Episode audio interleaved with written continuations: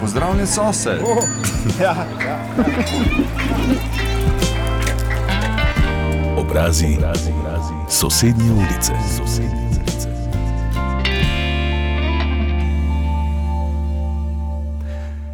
Lepo pozdravljeni. Tokratni gost oddaje je priznani mariborski modni oblikovalec David Honik, ustanovitelj modne znamke DH Fashion. Lepo pozdravljeni. Pozdravljeni. Že kar nekaj let ste s svojimi kreacijami vidno prisotni v Sloveniji, pa tudi širše. Eh, se je bilo težko uveljaviti v modnem svetu, ali ta proces, po vašem mnenju, še traja? Je to neka stalna borba?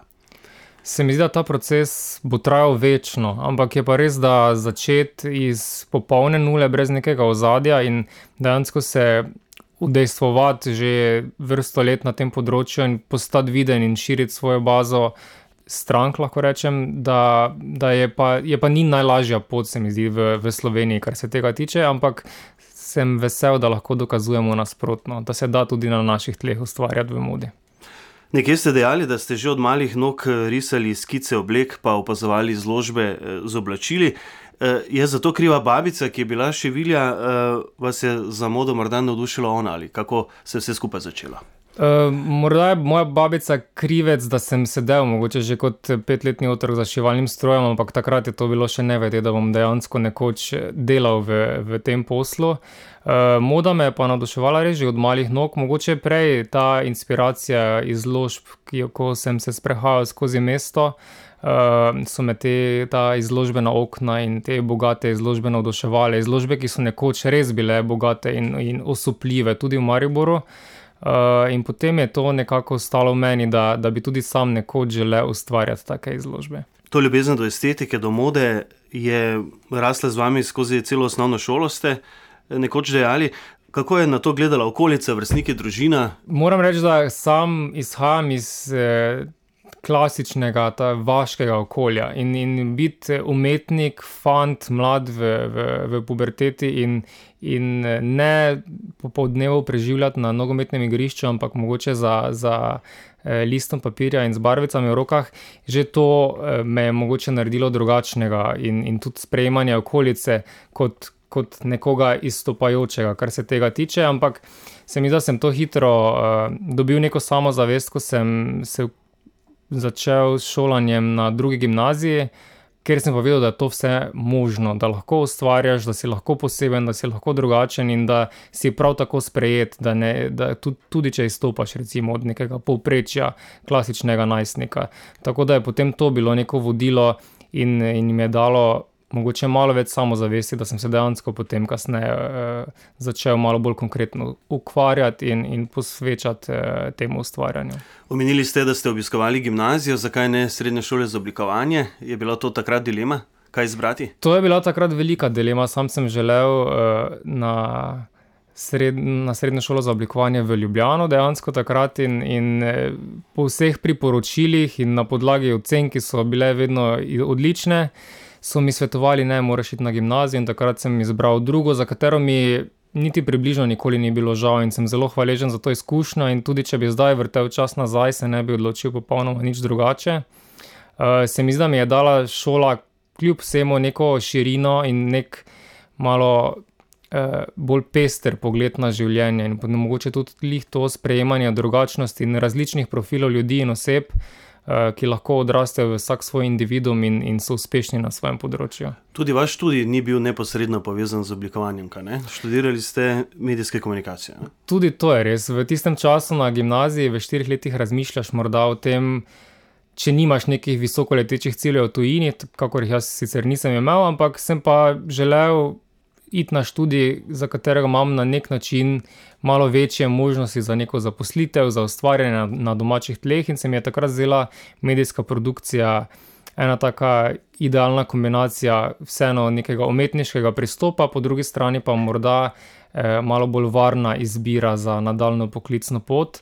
Ampak tudi tukaj sem videl, da sem ubral pravo pot in definitivno danes znamka DHFŠ ne bi obstajala, če ne bi študiral medijskih komunikacij, ki pa so mi prav tako dali širino eh, in znanje, kaj se skriva v zadju blagovnih znamk, na kaj, znamki, na kaj biti pozoren, čemu posvetiti pozornost, in eh, da ni zgolj dovolj, da imaš ti produkt, ampak moraš eh, ta produkt potem znati tudi tržiti, pokazati svetu in to je potem tisto vodilo, ki mogoče tudi mene zdaj na tej točki ločuje od morda nekaterih drugih slovenskih oblikovalcev, ker se posvečajo samo in izključno ustvarjanju, ne pa, ne pa tudi podajanju tega njihovega umetniškega eh, ustvarjanja naprej drugim ljudem, po ciljni publiki eh, in, in trženju le tega. Torej, če želiš uspeti kot eh, modni oblikovalec, ni dovolj samo kreativnost, eh, odlične ideje, ampak tudi neko znanje marketinga, PR-ja.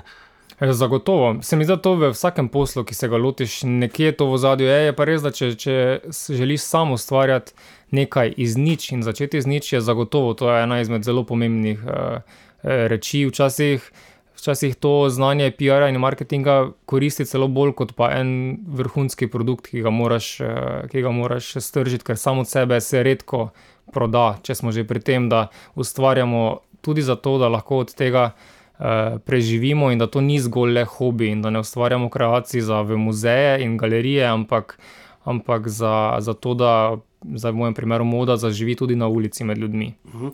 Pa, morda v globalnem smislu uh, je v modnem poslu še v spredju estetika ali prednjači ta prodajni marketinški PR-ovski vidik, da lahko uspeš. Pri mojem delu zagotovo še vedno prednjači estetika, zato se tudi pri samem ustvarjanju ne oziram na neke komercialne trende, ki, vlada, vlača, eh, ki se širijo po spletu, ki, ki vladajo svetu, ki, ki se konstantno spreminjajo. Moja teorija in tudi praksa je malo drugačna, da se približamo strankam, približamo ljudem, eh, da lahko ustvarjam po lastnem navdihu. In da se vseeno na ta način lahko približam eh, stranki, da najdemo skupni jezik, ko, ko ustvarjamo ali customet oziroma obleke po naročilu, ali pa dejansko sedaj, ko imamo trgovino, tudi obleke za trgovino, ki so na voljo že za takoj za direktno prodajo. Se mi zdi, da se nekateri pa res preveč posvečajo temu, samo da, da ustrežejo nekim trenutnim trendom, ne z mislijo na prihodnost, oziroma da bi kos bil večen in ostal v omarah in se nosil več let, ne zgolj samo eno sezono. Obrazi sosednje ulice.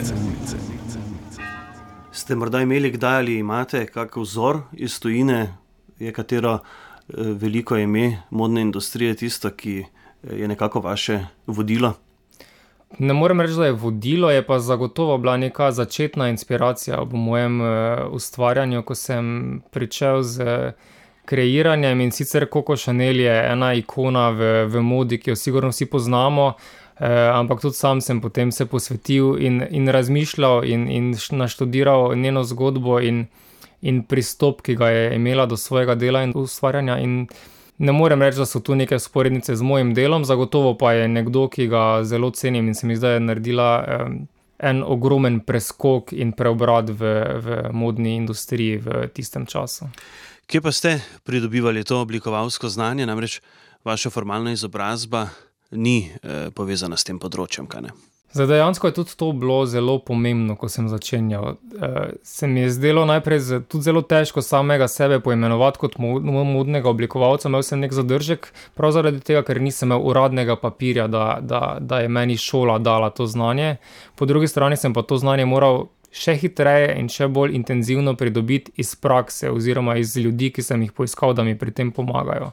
Uh, se mi da težko je biti en sam človek za vse, če pa imaš neko to sposobnost in čud, da najdeš ljudi okrog sebe, ki jim lahko zaupaš in ki bodo pomagali ustvariti uh, ideje, uh, ki jih imam v glavi, potem si že na pol poti. Je pa res, da dejansko čisto prve korake z mano je pa šla moja babica, ki, ki, s katero smo se skupaj sedli za šivalni stroj in ustvarjala tiste čisto, čisto prve kreacije, za katere se pa je potem izkazalo, da so še vedno zanimive in atraktivne, ampak normalno, zdaj skozi moje devetletno ustvarjanje so pa tudi te kreacije doživele eh, preporod in, in, in napredovale tudi v tehničnem smislu, ne zgolj v oblikovnem.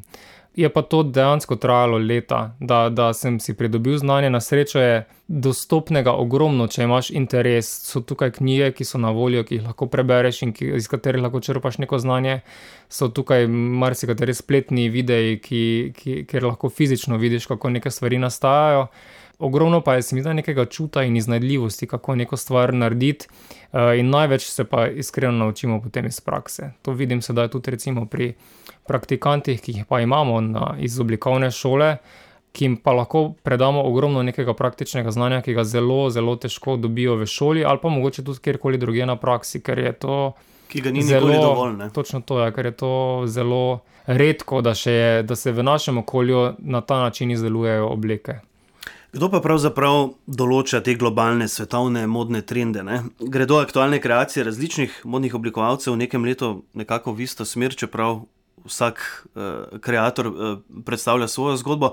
So torej začrtane globalne smernice za neko obdobje, ne vem, kdo recimo določi, da so pa trapezarce spet modne. Uh, kako se to zgodi? Se tu je, tu kdo določa te trende? Dejansko preplet različnih dejavnikov oziroma oseb. Najprej so tukaj dizajnerji, ki, ki sploh te kreacije ustvarijo, ampak zagotovo so to zelo različne kolekcije.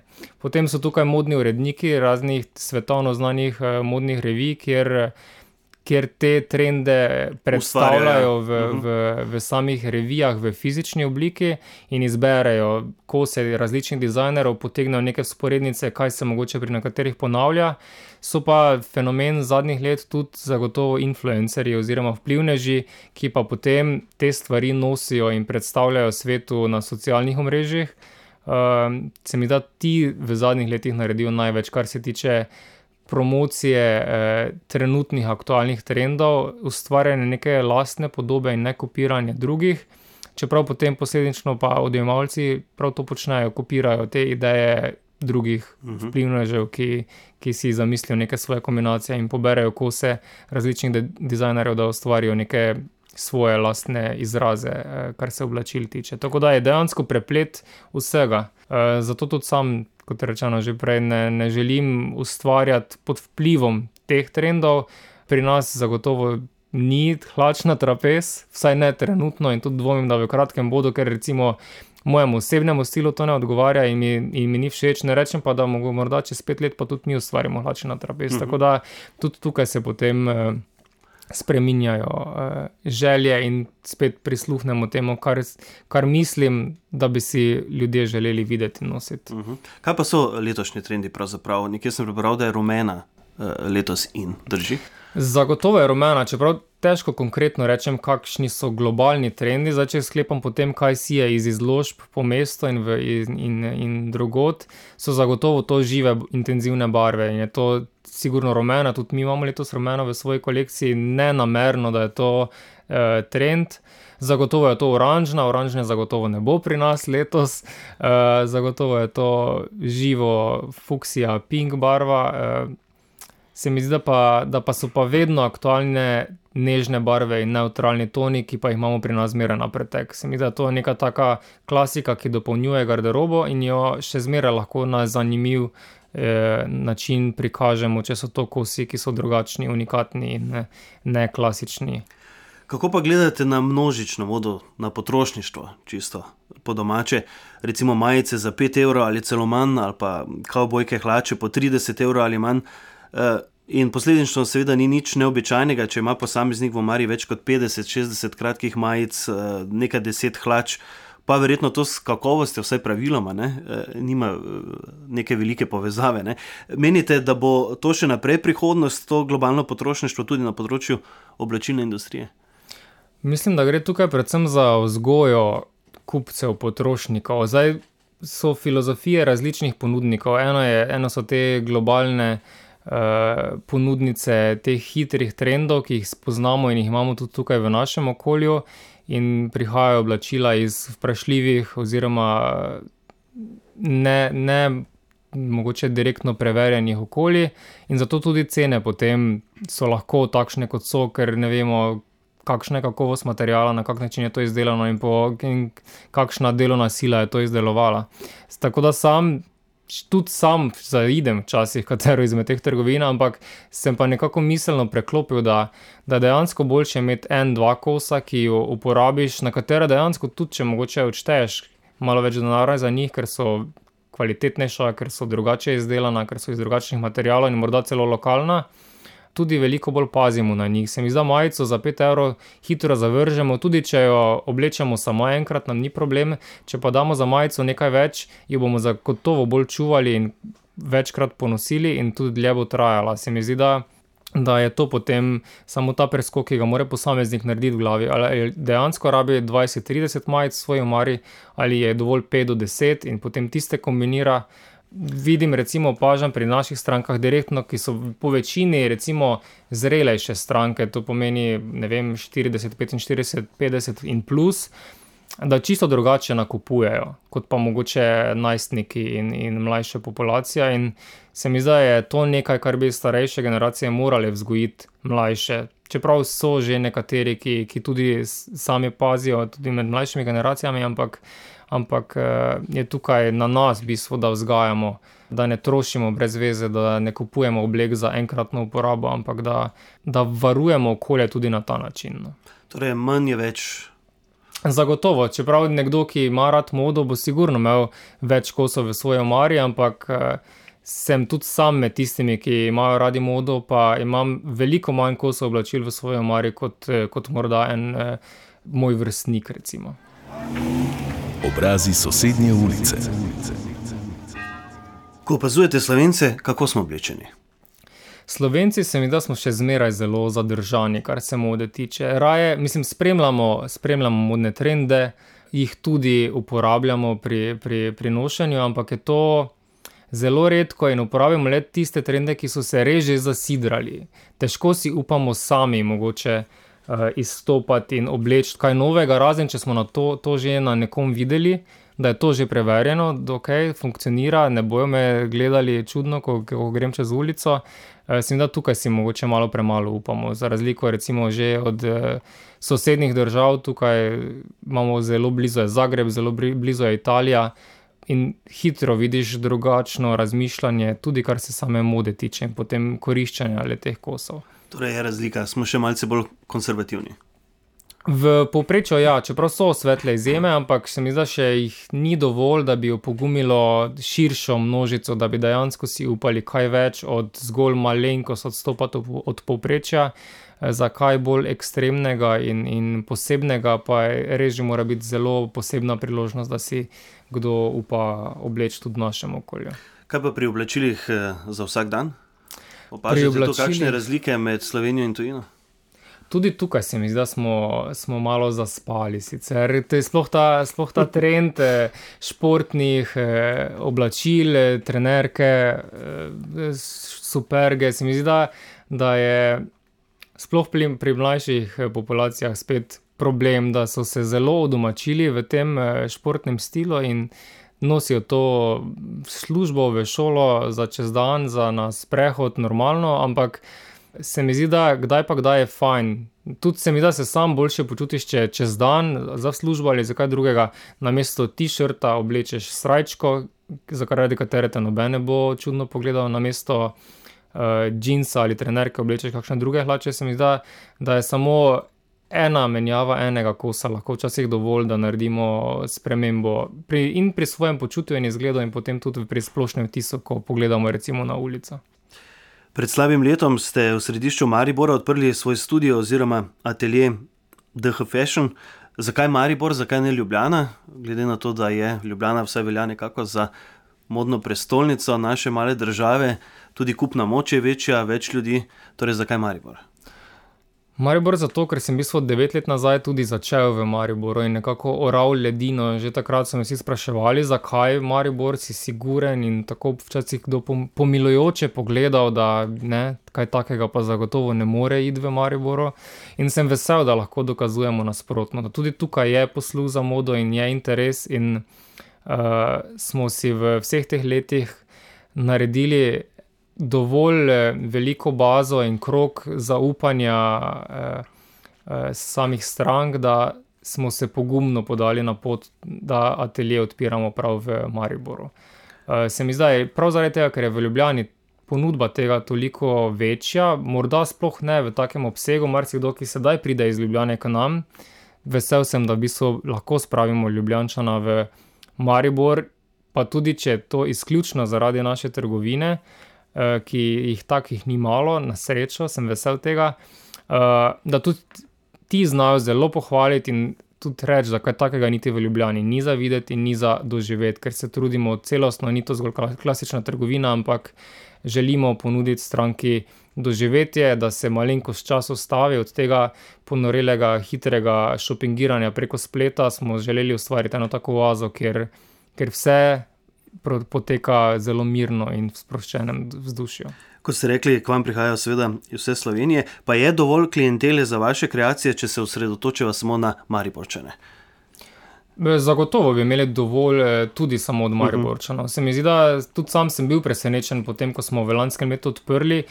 Nikoli ne veš točno, kaj pričakovati s tako ponudbo, ampak sem bil zelo pozitivno presenečen nad odzivom uh, in nad tem, kako so nas stranke in ljudje sprejeli, tudi dejansko Mariborčani in iz bližnje okolice in vozili in vozijo se, se nam dejansko iz cele Slovenije, od Ljubljana, tudi iz Nove Gorice so se že pripeljali in, in iz Primorske. In se mi zdi, da je to uh, še ena tako posebna čas, da nekoga spraviš na en konec Slovenije. Se mi zdi, da nam id v Ljubljano ali na obalo je mala malica, nekoga pa spraviti pa v obratno smer k nam je pa dosti teže in sem vesel, da dejansko si naredi kdo tudi vikend izlet v Maribor in ne samo obratno. To govori tudi statistika, ja, da veliko ljubljančanov še sploh ni bilo v Mariboru. Ja, tudi to je. Tudi nekoč, ko smo imeli manjši atelje, pa so že takrat bile stranke iz Ljubljana in sem bil deležen kakšnega komentarja, jo jaz pa ne hodim v Maribor, kot da je to neko posebno eh, mesto, kamor se hodi ali pa ne hodi. Eh, ampak zdaj pa tega več ni, se mi zdi, prav z veseljem pridejo, mogoče tudi zaradi samega interjerja in prostora, ki smo ga ustvarili,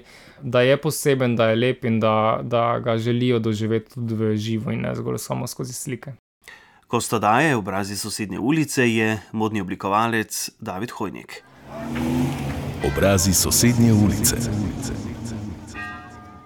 Kako pa vi gledate na Maribor, na mesto? Je to prostor za razvoj, za kreativnost, spodbuja Maribor tako misleče ljudi? Je primerno okolje za eh, razvoj, za napredek? Mislim, da smo prav mi, oziroma jaz, svojo znamko dokaz, da se da tudi v Mariboru ustvarjati in. in uh, delati na umetniškem, na kakršnem koli kulturnem področju.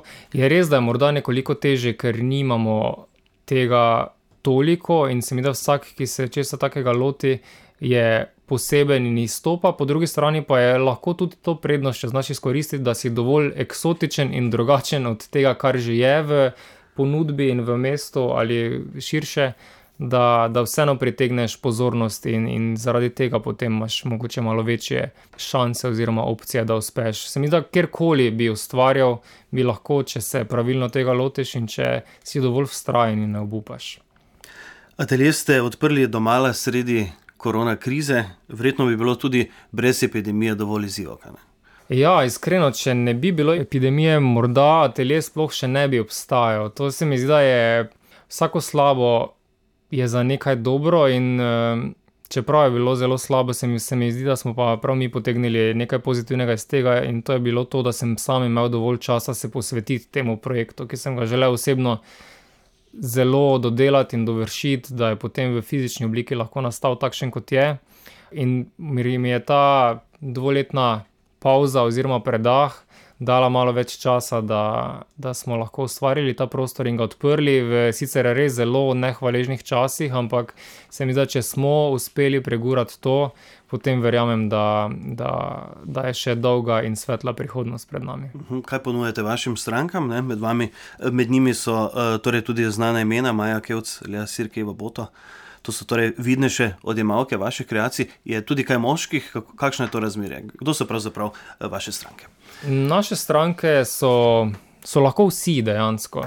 Vsi, ki jim, ki, ki jim moda in stil nekaj pomeni in ki bi želeli biti drugačni in posebni.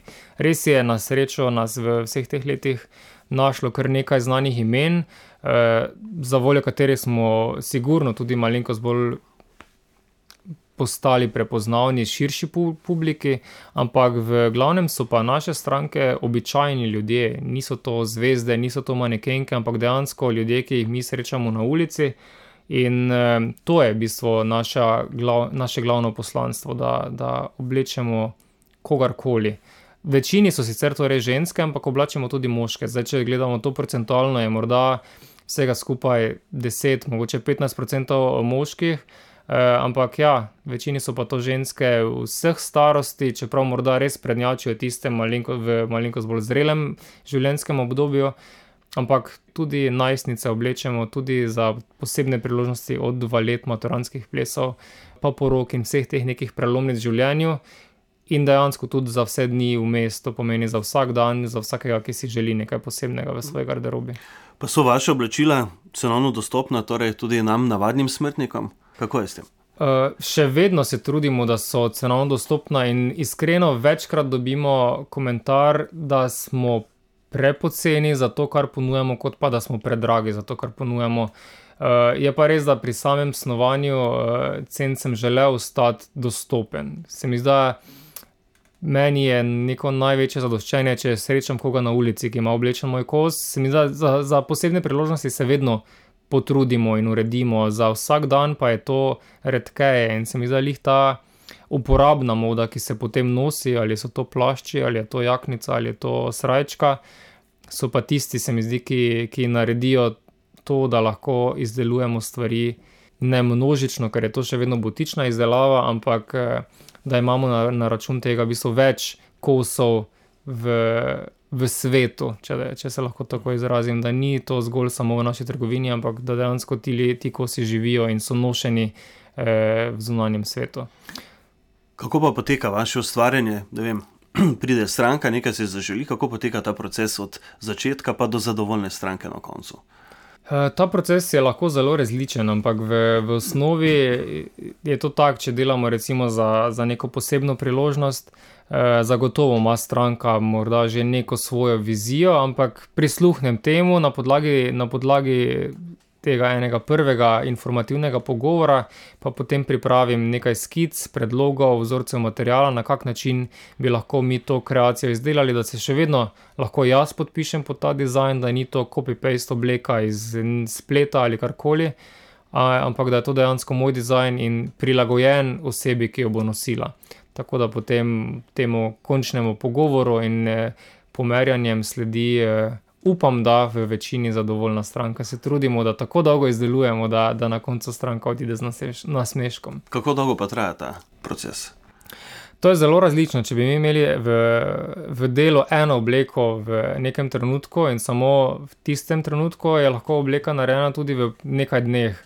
Če pa imamo mi naročil, Uh, precej je pa to zelo teže in bi zdaj, recimo, v tem obdobju težko rekel, da bo do konca poletja lahko neka stvar izdelana, zato ker pač je toliko naročil naprej za razne priložnosti in za, za razne uh, dogodke. Obrazi sosednje ulice. Odkud pa pravzaprav črpate navdih za oblikovanje, snovanje vaših kreacij? Se mi zdi, da zaenkrat ne potrebujem nekega posebnega. Uh, prostora, kamor bi se omaknil za sam navdih, je pa res, da ne moram nekih idej stresati iz rokava 24 ur na dan. Vsako stvar, ali je, to, ali je to obleka po naročilu za stranko, jo je treba premisliti, si nekako vizualizirati v glavi, poiskati uh, neke predloge in rešitve, da se približam posamezniku, pa da še zmeraj lahko se lahko podpišem pod kreacijo ali pa ob ustvarjanju kolekcije, ki pa se mi zdi, da pride zelo spontano. Meni je dovolj, že recimo, če samo spremljam ulico pred svojo trgovino in da vidim, kaj mi manjka na tej ulici, da bi se sprehodilo mimo. Nekako vedno izhajam iz, iz tega, kaj si predstavljam, da ljudje nosijo. Ampak na nek moj način, v mojem stilu, v smislu moje estetike, eh, in potem tudi ta nivo, da, da zmeraj kažemo nek napredek, eh, nekaj, kar še nismo naredili do, do sedaj, da je pač vedno nekaj, nekaj novega, drugačnega. Kako bi lajko opisali, kaj je vaša prepoznavnost, s čim ste si torej, utrli pot eh, do eh, veljave v modnem svetu, kjer je konkurenca velika? Ne? Morda je. Najbolj pomembno bilo to, da smo delali obleke za razne odrske nastope in svečane priložnosti. Se mi zdi, da tega ponudbe tega je zelo malo v našem okolju, in, in tukaj se mi zdi ena taka specifika postala, da nam recimo tudi razni glasbeni izvajalci za neke svoje pomembne, prelomne dogodke, priložnosti, koncerte zaupajo svoj izgled. zmeraj rad spremljam oder in, in na kak način uh, ustvarjalci nosijo obleke, in si probujem vizualizirati, kaj bi lahko naredili, da bi to bilo efektivno in da bi bilo na nivoju, ki se upada njihovemu glasbenemu ustvarjanju. In se mi da prav iz tega odrskega ustvarjanja smo potem želeli prenesti modo tudi za dnevno uporabo z nekimi. Posebnimi materiali, ali so to perle, perje, bleščice, čipke, in jih nekako komponirati v, v tudi dnevno nosljivo modo. Ste na katero od vaših kreacij še posebej ponosni? Uh, hm, je kar nekaj teh, za nekatere so bile odmevne in videne, spet druge so bile narejene čisto privat za, za določene stranke. Uh, težko bi samo eno izpostavil, mislim, zagotovo je ena tista, ki je bila čisto prva. Videna in pokazana svetu, in to je bila obleka za Maja Kevc na EMI, mislim, da 8-9 let nazaj taka prva obleka, ki so jo dejansko ljudje opazili, in uh, mi je, ni sram pokazati tudi še dan danes. In, in mislim, da bo večno ostala zapisana v, v moji zgodovini in jo bom zmeraj rad izpostavil. Nekje sem prebral, da ste dejali, da znanim slovenkam, oziroma influencerkam, oziroma pljuvnicam svojih oblačil ne podarjate. Na začetku najnega pogovora ste dejali, da so prav one eh, tiste, ki so kreirajo trende globalne. Zakaj ne podarite svojih oblačil? Ker so, ker so unikati in se mi zdi, da se sploh v poplavi vseh teh plinov že dan danes. Eh, težko izbereš enega, ki bi lahko zaupal, oziroma za katerega bi jaz sam osebno imel občutek, da lahko nekaj doprinese moji znamki oziroma moji kreaciji. Po drugi strani se mi pa morda zdi nespoštljivo, da jaz posodim neko obleko komerkoli, zato da se v njej fotografira, potem jo pa drugi osebi to isto obleko prodam. Zato, zato smo na eni točki se odločili, da z ekipo, da, da se bomo posluževali. Drugih poti promoviranja uh, in, ne, in ne influencerjev, ker se mi zdi, da se zelo hitro razvrednoti sam, sam koz v tej poplavi informacij in v tej poplavi stvari, ki jih influencerji promovirajo. Težko potem ločiš dober produkt od tega, ki je zgolj plačana reklama. Zato je potem uh, sem želel na stran od tega, brez zamer in sem v zelo dobrih odnosih tudi z marsikatero influencerko, ampak so pa to, so pa to uh, stvari, za katere sem se čisto iz poslovnega razloga odločil, da, se, da ne bomo sodelovali na tak način. In se mi zdi, da tudi naša ciljna publika ni tam, kjer se influencerke promovirajo. To pomeni, da ne vem, če bi to doseglo svoj namen, da nekdo promovira eno obleko, ki je v bistvu več ni za prodati, ker je ena in edina. Uh, tudi to je potem bil eden izmed razlogov. Torej, 20 uh, enakih oblek ni možno kupiti pri vas. Ne zdaj razen, če, če vaše podjetje rabi uniforme za zaposlene z veseljem, drugače pa, drugače pa je vsaka unikatna. Ko smo se dogovarjali za ta intervju, so se na telefon oglasili tudi vaši pomočniki. Ste zelo zasedeni, smo že ugotovili. Zato me zanima, ali ostane kaj prostega časa, ko odmislite modo kreiranja stranke, projekte. Si vzamete kaj časa zase? Zdaj, v tem trenutku, v tem obdobju, je težko reči, da si vzamem kaj časa zase. Vesel sem, da lahko ustvarjam in delam, kar delam ne morem pa reči, da imam trenutno prostega časa. Uh, ves svoj čas in ves svoj prosti čas vlagam v, v svojega v otroka, v svoje podjetje, v svoje ustvarjanje. Čeprav tudi telo si včasih more pomoč od vsega tega in fizičnega in psihično napornega dela, ampak, uh, ampak vse ob svojem času. Se mi zdi, da uh, so modreci rekli, kuj železo, dokler je vroče, in se nekako držim tega, po drugi strani pa sem z mislimi nekje tam, da, da pa si je treba vzeti čas tudi zase. Upam sicer, da znajo stranke in vsi, ki morda kdaj čakajo na kakšno stvar dlje, kot je bilo morda obljubljeno, tudi to razume, da smo vsi samo ljudje in da na koncu koncev sem tudi jaz samo ena oseba. Jaz lahko imam ljudi okrog sebe, ki mi pomagajo, ampak na koncu vsak stik s stranko in vsaka skica, ki je narejena, in vsak vzorec materijala, ki je pokazan, in vsaka proba, ki je izpeljana, je vse iz moje strani, in na koncu včasih zmanjka ur v dnevu. Vse takoj zadovoljiti. Zato pač je tu en tak proces, ki se ki se mora zgoditi naravno, tudi ko ustvarjamo. Nisem stroj, nisem eh, robot, ki bi lahko stresal vse ideje in skice iz rokava, ampak vsaki stranki in zgodbi se moraš posvetiti posebej, kot da je edina in zato rabiš čas. Tako da se mi da zgolj to, če bi se lahko kloniral z veseljem, ampak eh, se mi da zdaj zaenkrat pa provam krmariti med tem, da, da, da zadovoljim stranke in po drugi strani, da morda sam ne pregorimo vsem tem. Kaj prinaša prihodnost, kaj snujete? Prihodnost eh, snujemo, da zadovoljimo stranke v prvi vrsti, da odidejo iz trgovine z nasmeškom. Kar se tiče nekih konkretnejših projektov, v kratkem snujemo eh, snemanje nove kolekcije oblačil v foto in video obliki. To se bo zgodilo še zdaj pred poletjem. Eh, delamo pa že na enem večjem dogodku, ki se bo pa zgodil naslednjo pomlad, ko bomo praznovali deseto obletnico znamke.